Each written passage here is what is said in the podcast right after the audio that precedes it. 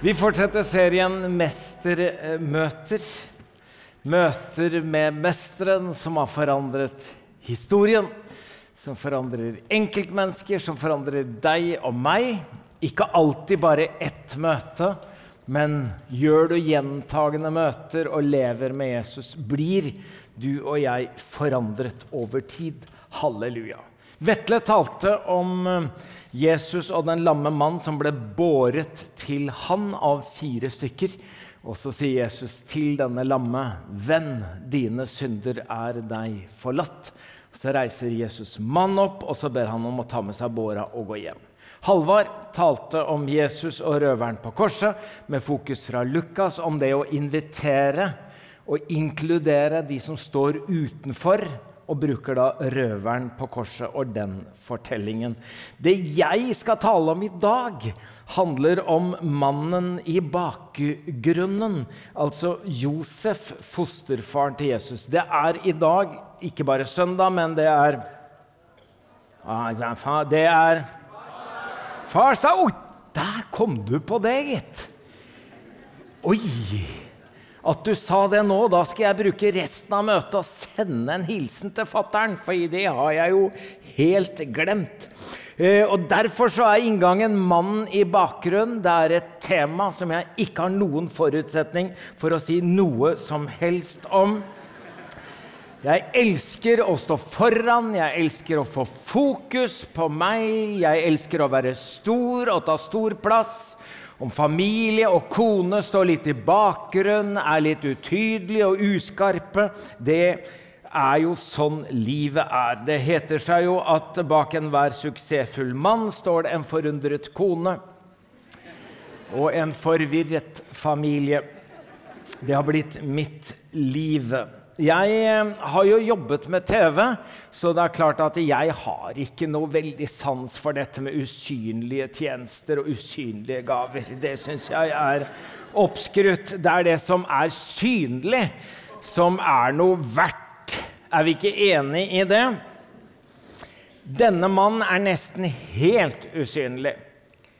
Noen kjenner igjen meg fra skjerm, og av og til takker de og bukker de for det som jeg har fått vært med og bidra på skjerm.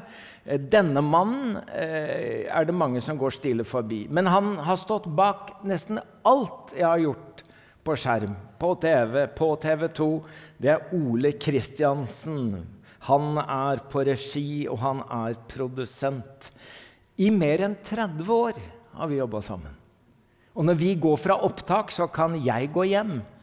Da må Ole følge det vi har eh, gjort opptak av, inn som produsent, som på regi, inn i klipperom og følge det dagevis. Jeg hadde vært lei av meg for lengst. Men Ole, etter mer enn 30 år Samme glød, samme entusiasme, samme begeistring. Samme liksom Ja, det er helt stort, folkens. Vi er jo veldig glad for at vi fikk Medierosen for alle tiders sanger eh, tidligere i høst. Og nå er vi nominert til eh, Petter Dass-prisen. Nå er det noe jeg unner Ole Kristiansen, for det er han som har sørget for at det produktet er blitt så bra som det er blitt. Det er all heder og ære. Ikke sant? Jeg håper virkelig at det går rett i dass. Det var veldig bra ordspill, Svartdal. Eh, jobb videre med det. Eh, det som er temaet, er rett og slett Josef i skyggen. Altså før det blir advent og jul og alt fokus havner hos Maria og Jesusbarnet, så tenker jeg bare at jeg har lyst til å skyve denne mannen litt fram og løfte han litt opp i vår bevissthet, fordi han veldig ofte står i bakgrunnen, og at han veldig ofte kommer i skyggen. Det har nok antageligvis Ole Paus og Jostein Ørum også tenkt på, at det, det må da være mulig å få litt større lys på denne mannen som har betydd så utrolig mye for vår tro og vårt liv gjennom det han gjorde, men som aldri nesten noen snakker om. Disse to små bøkene er verdt å se. For at i alle julespill i alle julekrybber og i alle malerier som handler om det som skjedde i Betlehem, så står Josef alltid litt i ytterkanten. Litt delvis i skyggen, men alltid i bakgrunnen. Nå vet jeg jo ikke hvem du er. Og jeg vet ikke hvor du trives best. Og jeg vet jo ikke om du liker å stå i lyset, i fokus, eller om du syns det er greit å være litt lenger bak, litt lenger ut. Men noen vet ikke helt hvor de hører hjemme. Det er sånn bryllup, og så er det sånn, eller konfirmasjon. og så er det 'Nå er det familiebildet, dere! Nå er det familiebildet! Kom hit!' Så tenker du Hører jeg hjemme der? Jeg er jo gifta inn, eller jeg er jo gifta ut, eller jeg er jo forgifta altså, Det er så mange Det er jo sånn liksom Hvor skal jeg stå nå? Eh, skal jeg stå foran? Skal jeg stå bak? Eh, hvor hører jeg Og det er ikke så viktig på sånne bilder, men det er viktig i livet å finne sin plass. Og så er det viktig å lure på hvor hører jeg til, og hvor hører jeg hjemme? Altså, Hvis det hadde blitt delt ut filmpriser på Josefs tid, så tror jeg han hadde fått Oscar for beste birolle, rett og slett. Lukas skriver Marias slektstavle, naturlig nok. Det er jo der vi finner juleevangel. Matteus derimot, som skriver først og fremst til jøder, han skriver eh, Josefs slektstavle. Og han gjør det ordentlig grundig for å bygge opp imot Jesus som Messias. Og Da sier han at det er 14 slektsledd fra Abraham til David. Og så er det 14 slektsledd fra David til bortføringen til Babylon. Og så er det 14 slektsledd fra bortføringen til Babylon til Jesus. Og det er bare fedre og sønner i den lista der. Det eneste problemet er at Josef var ikke far.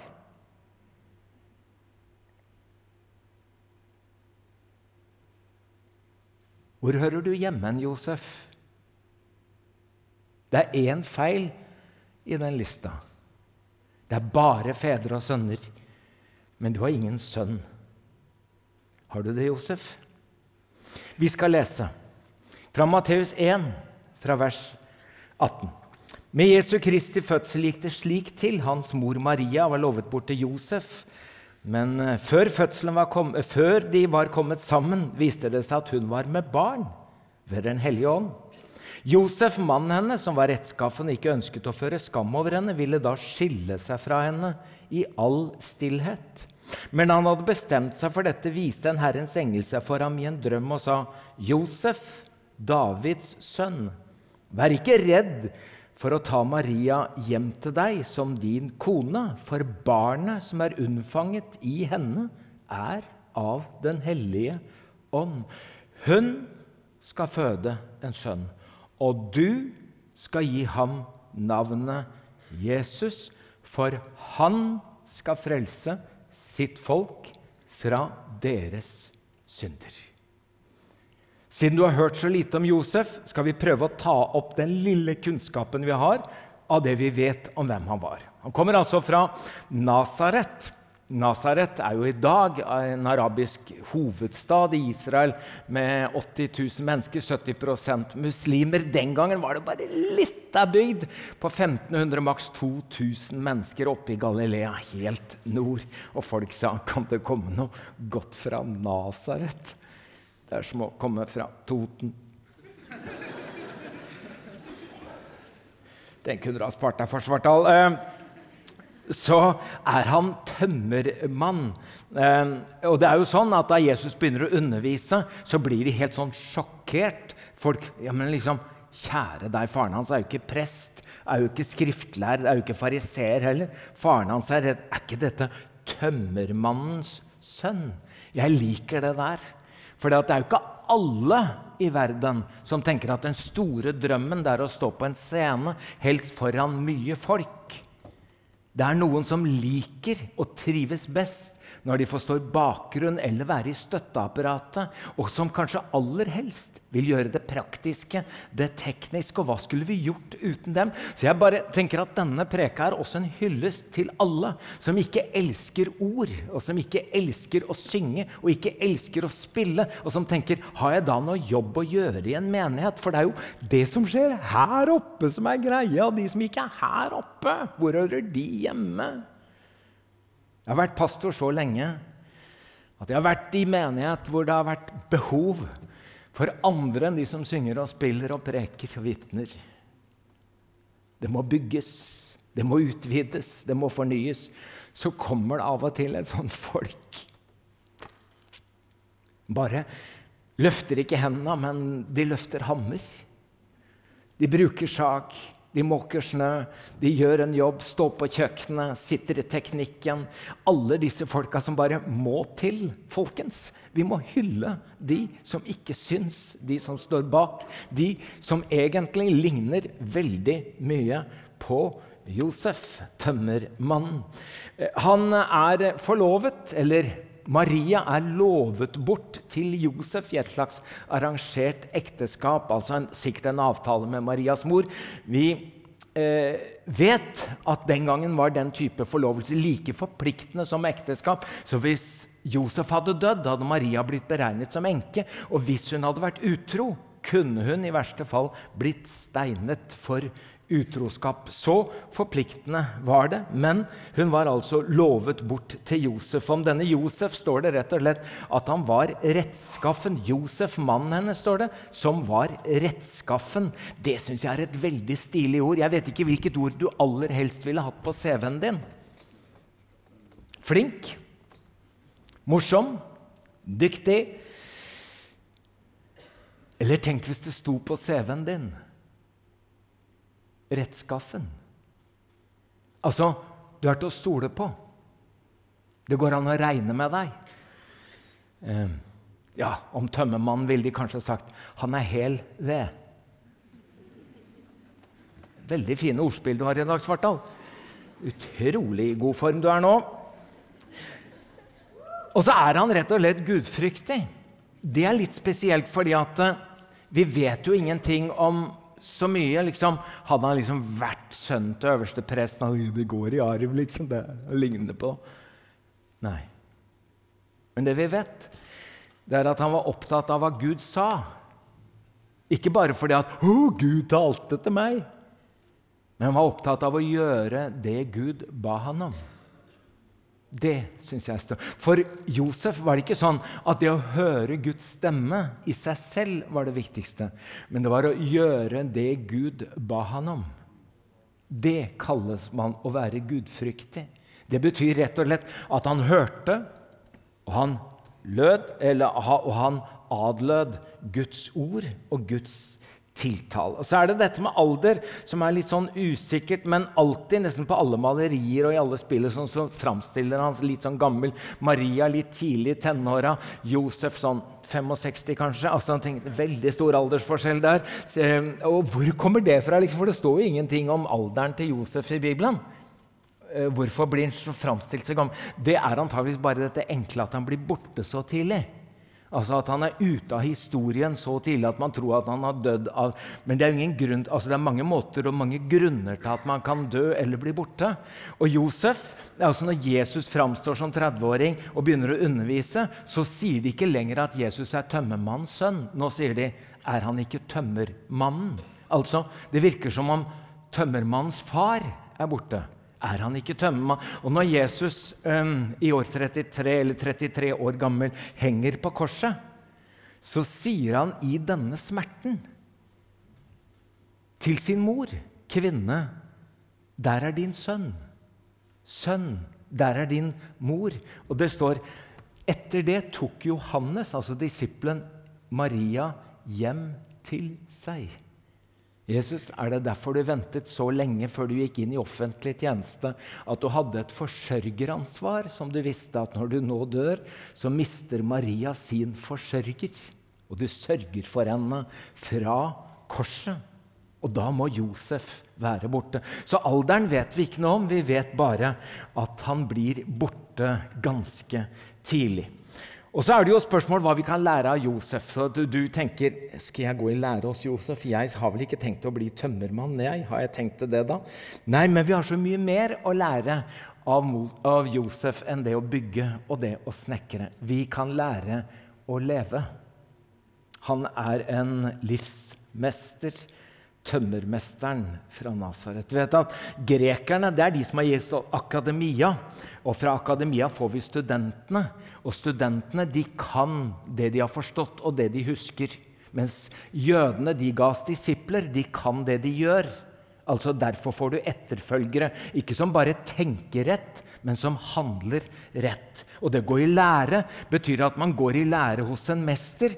Og da er det ikke bare faget man skal lære av denne mesteren, men man skal lære av personligheten som er mester. Det er det det handler om å gå tett på, være en disippel, være en etterfølger, eller rett og slett bare være en lærling. Og så kan du tenke jaha, da var det tale for mannfolka, da. Ja, det er fint. Det er jo tross alt farsdag. Nei da. Men alle kan lære av Josef.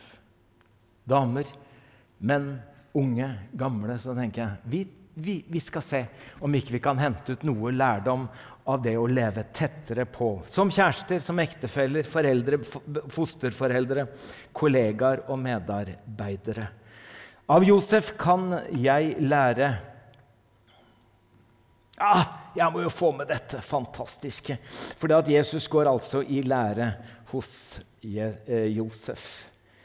Jeg ser for meg disse to Gud var jo ikke bare ute etter å finne en, eh, en eh, Gud var jo ikke bare ute etter å finne en Hva heter sånn som føder på vegne av andre? Ja, var jo ikke bare ute etter å finne en surrogatmor som kunne føde Guds sønn, men var ute etter et par som kunne fostre Guds sønn. Og når Jesus går i lære hos Josef, så er det jo ikke bare for å lære tømmerfag, men for å lære å leve. Men først og fremst å lære hvem han er. Og jeg tenker at Når de står der og jobber, eller er ute på jobb og bygger hus, så spør plutselig Jesus da, pappa, kan ikke du fortelle meg om den drømmen du hadde? Hva var det engelen sa når den engelen sa til deg at du skulle ikke stikke av fra mamma. Hva sa engelen? Pappa, hvordan så den engelen ut? Du, pappa, Kan ikke du fortelle om hvorfor vi måtte reise helt fra Galilea i nord, herfra i Nasaret, og helt ned til Betlehem? Var det keiseren i Rom som bestemte det, at vi måtte ned dit? Men, men hvordan gikk det med mamma da, som var høygravid? Det må ha vært utrolig tøft for mamma å reise. Pappa, hvorfor fødte hun ikke meg inne i huset, men nede i den grotta under huset, der hvor sauene var. Banka dere på mange dører? Var det fullt overalt? Fortell det. Ja, men jeg har fortalt det så mange ganger. Hvorfor la dere meg den der krybba der hvor maten til dyra var?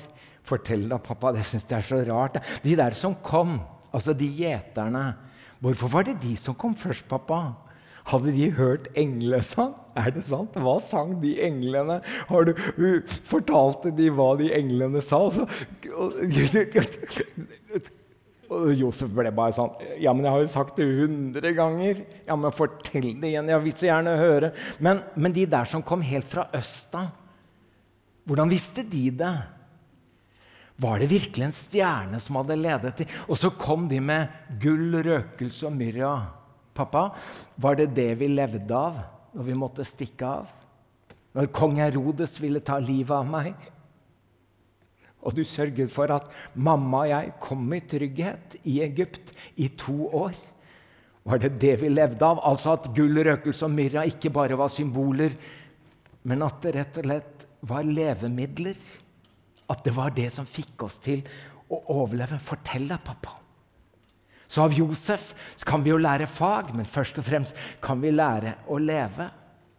Av Josef kan vi lære å reise oss når drømmer knuses. Jeg tenker at Josef gikk rundt og drømte om denne drømmedama som han nå visste kom til å bli kona hans. Det var, og det En dag skal han bygge drømmehus, og det kunne han jo bygge sjøl. Og så skulle han bygge drømmefirma og ansette flere. og Svære greier.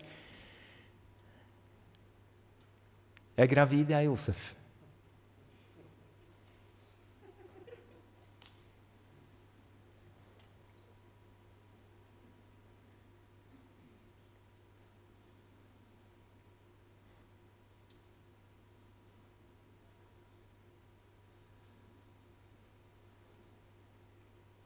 Det eneste Josef vet, det er at det ikke er han.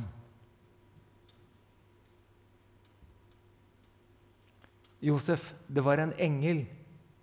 Ja, det sier alle, det.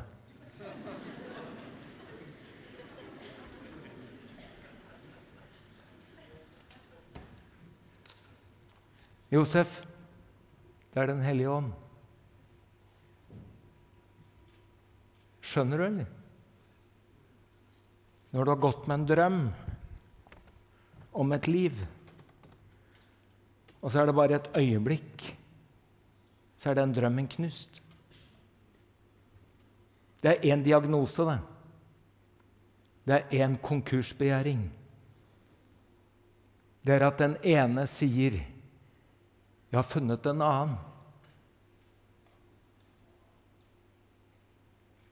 Så skjørt er livet. Alt det Josef har drømt om, det går i knus i løpet av et øyeblikk. Nå kan han skandalisere henne for å redde sitt eget gode navn og rykte, for alle vil jo tenke at det er Josef som har vært bortpå. For tidlig. Og så kan han vandalisere henne, fordi han visste jo at den som er utro, kan steines. Men Josef han er en sånn type som er rettskaffen, så han tenker Jeg behøver ikke gjøre vondt verre, men jeg vil skille meg henne fra i stillhet. Sånn at jeg ikke gjør livet enda verre for henne. Det er da engelen kommer og sier til Josef Josef, ikke vær redd for å ta Maria hjem til deg som din kone. Hun skal føde en sønn, og du, Josef, skal gi den sønnen navnet Jesus. For han skal frelse sitt folk fra deres synder. Pappa, takk for at du ikke stakk av. Takk for at du ble og hjalp mamma de verste dagene. Når hele familien støtte henne ut, når alle naboene lo av henne og gjorde narr, og de religiøse lederne støtte henne ut av synagogen. 'Pappa, takk for at du var der.' For Josef, han drømte, men han drømte ikke. Av Josef kan vi lære å reise oss når drømmer knuses. Nå får han behov for nettopp det han kan, å bygge. For nå er jo noe revet ned, men han har bygd før. Og nå tenker han nå må jeg bygge et nytt liv, nå må jeg bygge nye drømmer. Nå må jeg bygge et nytt prosjekt. Og det gjør Josef. For han er ikke bare tømmermester, han er livsmester. Han mestrer livet. Og nå har han fått et oppdrag av Gud som ikke var et enkelt oppdrag og ikke et ønskeoppdrag. Men han sier ja, og så blir han en Guds tjener. Josef han fortjener all vår hyllest og takk for hvem han er. Jeg sier ikke til deg at du skal bli, og jeg sier heller ikke at du skal bryte opp. Og jeg sier heller ikke at du ut fra den situasjonen du er i, skal gjøre det ene eller det andre. Det er bare én ting jeg har lyst til å si til deg. Bli hos Gud når drømmene dine knuses. Bli hos Gud når drømmene dine knuses.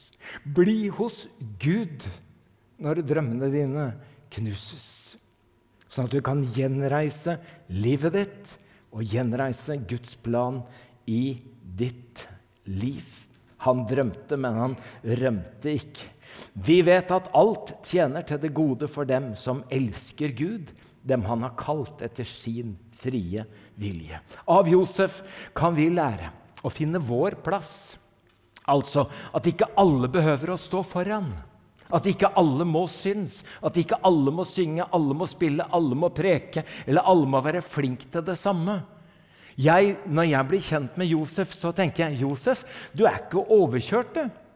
Josef, du er jo ikke feilplassert, du. Josef, det er jo ikke et sånt uhell at du er akkurat der du er. Josef, du stortrives, du. Josef, det ser ut som om du er rett mann på rett plass. Josef, jeg tror rett og slett at du trives i utkanten, i bakgrunnen, i skyggen. For du, Josef, du har funnet din plass. Og Det er nettopp det å finne den plassen som er kanskje vår aller dypeste lengsel. Og noe av det vanskeligste med det, det er jo dette med sammenligningens forbannelse. At jeg hele tiden sammenligner meg med Og tenk om jeg hadde hatt det, og tenk om jeg hadde vært sånn, og tenk om jeg hadde klart det, og tenk om jeg hadde blitt der. Og som gjør at jeg hele tiden tror at jeg skulle vært et annet sted og gjort noe annet og vært annerledes. Finn din plass. Det venter en plass på deg hvor du tenker 'Her er din plass'. Og det er jo Thomas Sjødin som sier at 'den som finner sin plass, tar ingen andres'. Dette tar Paulus opp i 1. Korinterbrev 12 om nådegavene, hvor han sier at det er omtrent som en kropp. De delene av kroppen som er lenger bak, altså ørene, kan ikke si til øynene fordi jeg ikke er øynene, så hører jeg ikke med, for jeg er veldig langt bak. Hva hadde skjedd hvis det var bare øyne og ikke øre? Føttene kan ikke si til hendene fordi jeg ikke er hender. Altså de nede kan ikke si til de oppe at fordi jeg ikke er hender, så hører ikke jeg med. Og så er konklusjonen veldig grei, og det er rett og slett Men nå har Gud gitt hvert enkelt lem sin plass på kroppen slik han vil det. Hør her. Maria har sin plass, og Josef har sin og du har din, og av Josef kan vi lære å finne vår plass. Og så kan vi lære oss å gjenkjenne Guds stemme. Utrolig mange stemmer for tiden, og jeg syns bare det blir flere og flere. Og jeg syns de bare roper høyere og høyere om hva jeg skal tenke, hva jeg skal si, og hva jeg skal mene, og hva jeg skal bli. Og jeg tenker er det mulig? Du vet, Jeg er så gammel at jeg husker at NRK hadde monopol, og av og til lengter jeg litt tilbake til at det var én kanal, én TV-kanal i hele Norge. Det var NRK. Det var ikke én, for det var bare NRK. Og så var det Hallo-dame som etter de siste nyhetene sa takk for i dag og god natt, og da gikk vi og la oss. Det var mye enklere. Nå er det stemmer overalt. Alle slags plattformer, alle slags kanaler. Alle slags, jeg kjenner bare sånn hva skal jeg tro? Hva skal jeg tenke? Hva skal jeg mene? Jeg blir så utrolig, utrolig kjørt av alle stemmer. Og i alle de stemmene skal du og jeg prøve å finne den stemmen som er Guds stemme. Og det kan vi lære av Josef. Det er Jesus som sier det. Mine sauer hører min stemme. Jeg kjenner dem, og de følger meg. Det syns jeg er flott med Josef. Altså, Tre ganger hører han tydelig Guds tiltale. Eh, Gud taler gjennom engler og åpenbaring. Han taler til Josef da Maria er blitt gravid, og at han vil skille seg fra henne. Han taler til Josef da de skulle legge på flukt fra kong Herodes for ikke å bli drept, og da de skulle reiste hjem igjen. Og det står da de var dratt bort, viste Herrens engel seg for Josef i en drøm og sa:" Stå opp og ta med deg barnet og barnets mor og flykt til Egypt og bli der til jeg sier fra. For Herodes kommer til å lete etter barnet for å drepe det. Og så står han han sto da opp, tok barnet og moren med seg og dro samme natt av sted til Egypt. Han lytter, lyder, han hører og handler. Hør her, folkens. Ikke én eneste gang er Josef sitert i de fire evangeliene. Han kunne snakke, helt sikkert, det tror jeg. Men han er ikke verdt å sitere. Har du ikke sagt noe, Josef, som noen av de har fått med seg? Men du har vel lagd noe da, som vi har minner av? Ikke det heller, nei. Hva er det vi husker etter Josef? Vi husker ikke hva han sier, men vi husker hvilke valg han tok. Og livet det er ikke summen av hva du har sagt. Men livet er summen av de valgene du har tatt. Og de valgene du og jeg tar, får ikke bare konsekvenser for oss. De valgene vi tar, får konsekvenser for de som er rundt oss. Så Josefs valg får konsekvenser for Maria, og Josefs valg får konsekvenser for Jesus. Dine valg får konsekvenser for flere enn deg sjøl. Så lær deg av Josef å høre etter Guds stemme. Prøve å sortere hva Gud sier i sitt ord ved sin ånd til deg for å hjelpe deg og meg til å gjøre riktige valg. Josef, når jeg ser dette bildet, så tenker jeg på deg. Ja da, Gud trengte en mor som kunne føde Jesus. Men eh, Jesus trengte også en far som kunne beskytte og bære. Et sårbart og skjørt barn som djevler og demoner og kong Herodes ville drepe. To år i Egypt som flyktning, og du kommer tilbake. Og jeg ser dette bildet med denne flyktningen som da passerer grensa til Ungarn. Vi klarte det. Tusen takk, Josef, at du var der. Og alle vi som enten er mannfolk, og som kanskje har en far, eller ikke fikk den faren vi hadde håpet på, vi kan tenke Kanskje jeg skal bli den faren jeg aldri fikk? Og om jeg ikke får egne barn, så vil jeg bli en far for andres eller andres barn på en måte. Det kan både du og jeg tenke. Og så Av Moses, eh, av, av Moses skal vi også lære mye. Eh, ja av Josef. Det er tre gudstjenester. Jeg kjenner det, altså. Halleluja. Av Josef kan vi lære å realisere andre. Det er motstrøms, det. For er det noe som er vårt mantra, så er det at vi skal realisere oss sjøl. Vi skal realisere drømmene våre. For er det én ting som vi oppmuntres til i våre dager, så er det jo selvrealisering. Er det ikke det livet handler om? Å bli selvrealisert, eller å selvrealisere seg. Om det så er på bekostning av andre, men det er for sent idet du har fått barn. Ja, det er mange, altfor mange foreldre som tror at deres største livsprosjekt er fortsatt sin yrkeskarriere. Men kanskje vi da skulle valgt å ikke fått barn? Kanskje vi skulle tenkt som Josef og Maria Vi vil realisere deg.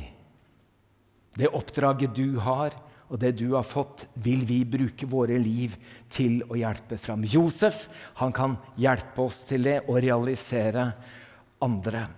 Da Jesus var eh, tolv år gammel, fikk han være med mor og far til eh, Jerusalem for å feire påske. og Det var jo storslått, og det var mye folk, og det var stor stas. Og når påsken var over og de skulle reise hjem, så tenkte de ja, ja, han er jo ikke i nærheten akkurat nå, men han er sikkert i reisefølge, for her er det så mye slektninger og venner, så han er jo med, vet du. Men så oppdaget de han var jo ikke med. Så måtte de tilbake igjen til Jerusalem, og så måtte de lete, og etter tre dager fant de han i tempelet. Og Maria er selvfølgelig stressa, for de er livredde. Tre dager borte fra en tolvåring, det er skumle saker.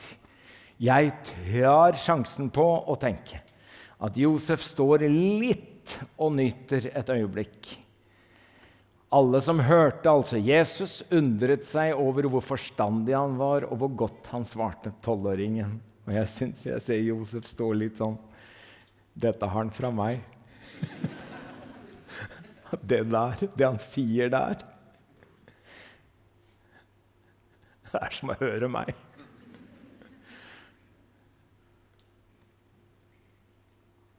Han har brukt tolv år på å lære Jesus i Skriftene. Han hadde jo ikke gått på bibelskole, Jesus. Hadde ikke tatt verken cand.mag. eller master. Har gått til lære hos en tømmermester som kjenner Gud. En mor som er gudfryktig. Tolvåringen svarer. Mor er stressa, og mor snakker for de begge og sier at 'din far og jeg har lett' Jeg syns det er vakkert, Maria, at du også offentlig sier så tydelig at Josef omtales som far. Jesus trengte å ha et farsbilde som kunne lære han hvordan en god far er. Din far og jeg har lett etter deg, og vi har vært så redde, naturlig nok. Og så er det som om Jesus, tolvåringen, nærmest smeller døra i trynet på dem. Hvorfor har dere vært så redde? Visste dere ikke at jeg måtte være i min fars hus? Far med stor F. Det er nesten som han smeller døra i trynet på Josef og sier, 'Du er ikke faren min! Du kan ikke bestemme over meg! Skjønner du det?' Og noen har opplevd å høre det. Jesus, du kan ikke si sånn. Han ble mora di. Han har båret deg, han har beskyttet deg, han har lært at du kan Og jeg tror ikke Jesus gjorde det heller. For jeg lærer ikke Jesus å kjenne sånn. Vet du hva jeg tror? Jeg tror personlig at Josef hører. Oppdraget er fullført. Jesus vet hvem han er. Det var mitt oppdrag å lære Jesus å tro på seg selv, og så skjønne hvem han er i Gud. Det er som om Josef nesten kan si Nå kan du la din tjenerfar herfra i fred. Mission completed. Jesus vet at han er Guds sønn. At hans far, med stor F, er vår himmelske far, og at han er Guds sønn. Etter dette hører vi ikke noe mer om Josef. Han er borte fra historien. Om han døde brått, eller om han ble med hjem og levde noen år, eller hvor lenge han levde, det vet vi ikke. Men det er ikke så viktig. Han gjorde det han skulle. Han hadde funnet sin plass. Han realiserte Marias oppdrag, og han realiserte Jesu oppdrag.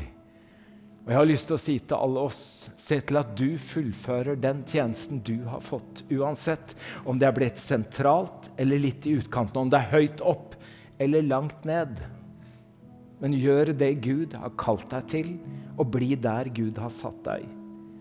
Det kan vi lære av Josef. Så oppsummeringen er veldig enkel.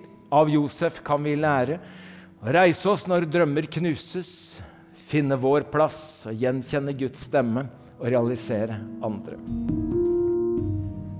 Du har nå hørt en podkast fra Filadelfia-kirken i Oslo. Vil du vite mer om oss, gå inn på filadelfia.no. Og ikke minst velkommen til å feire gudstjenester med oss hver eneste søndag, enten fysisk eller online.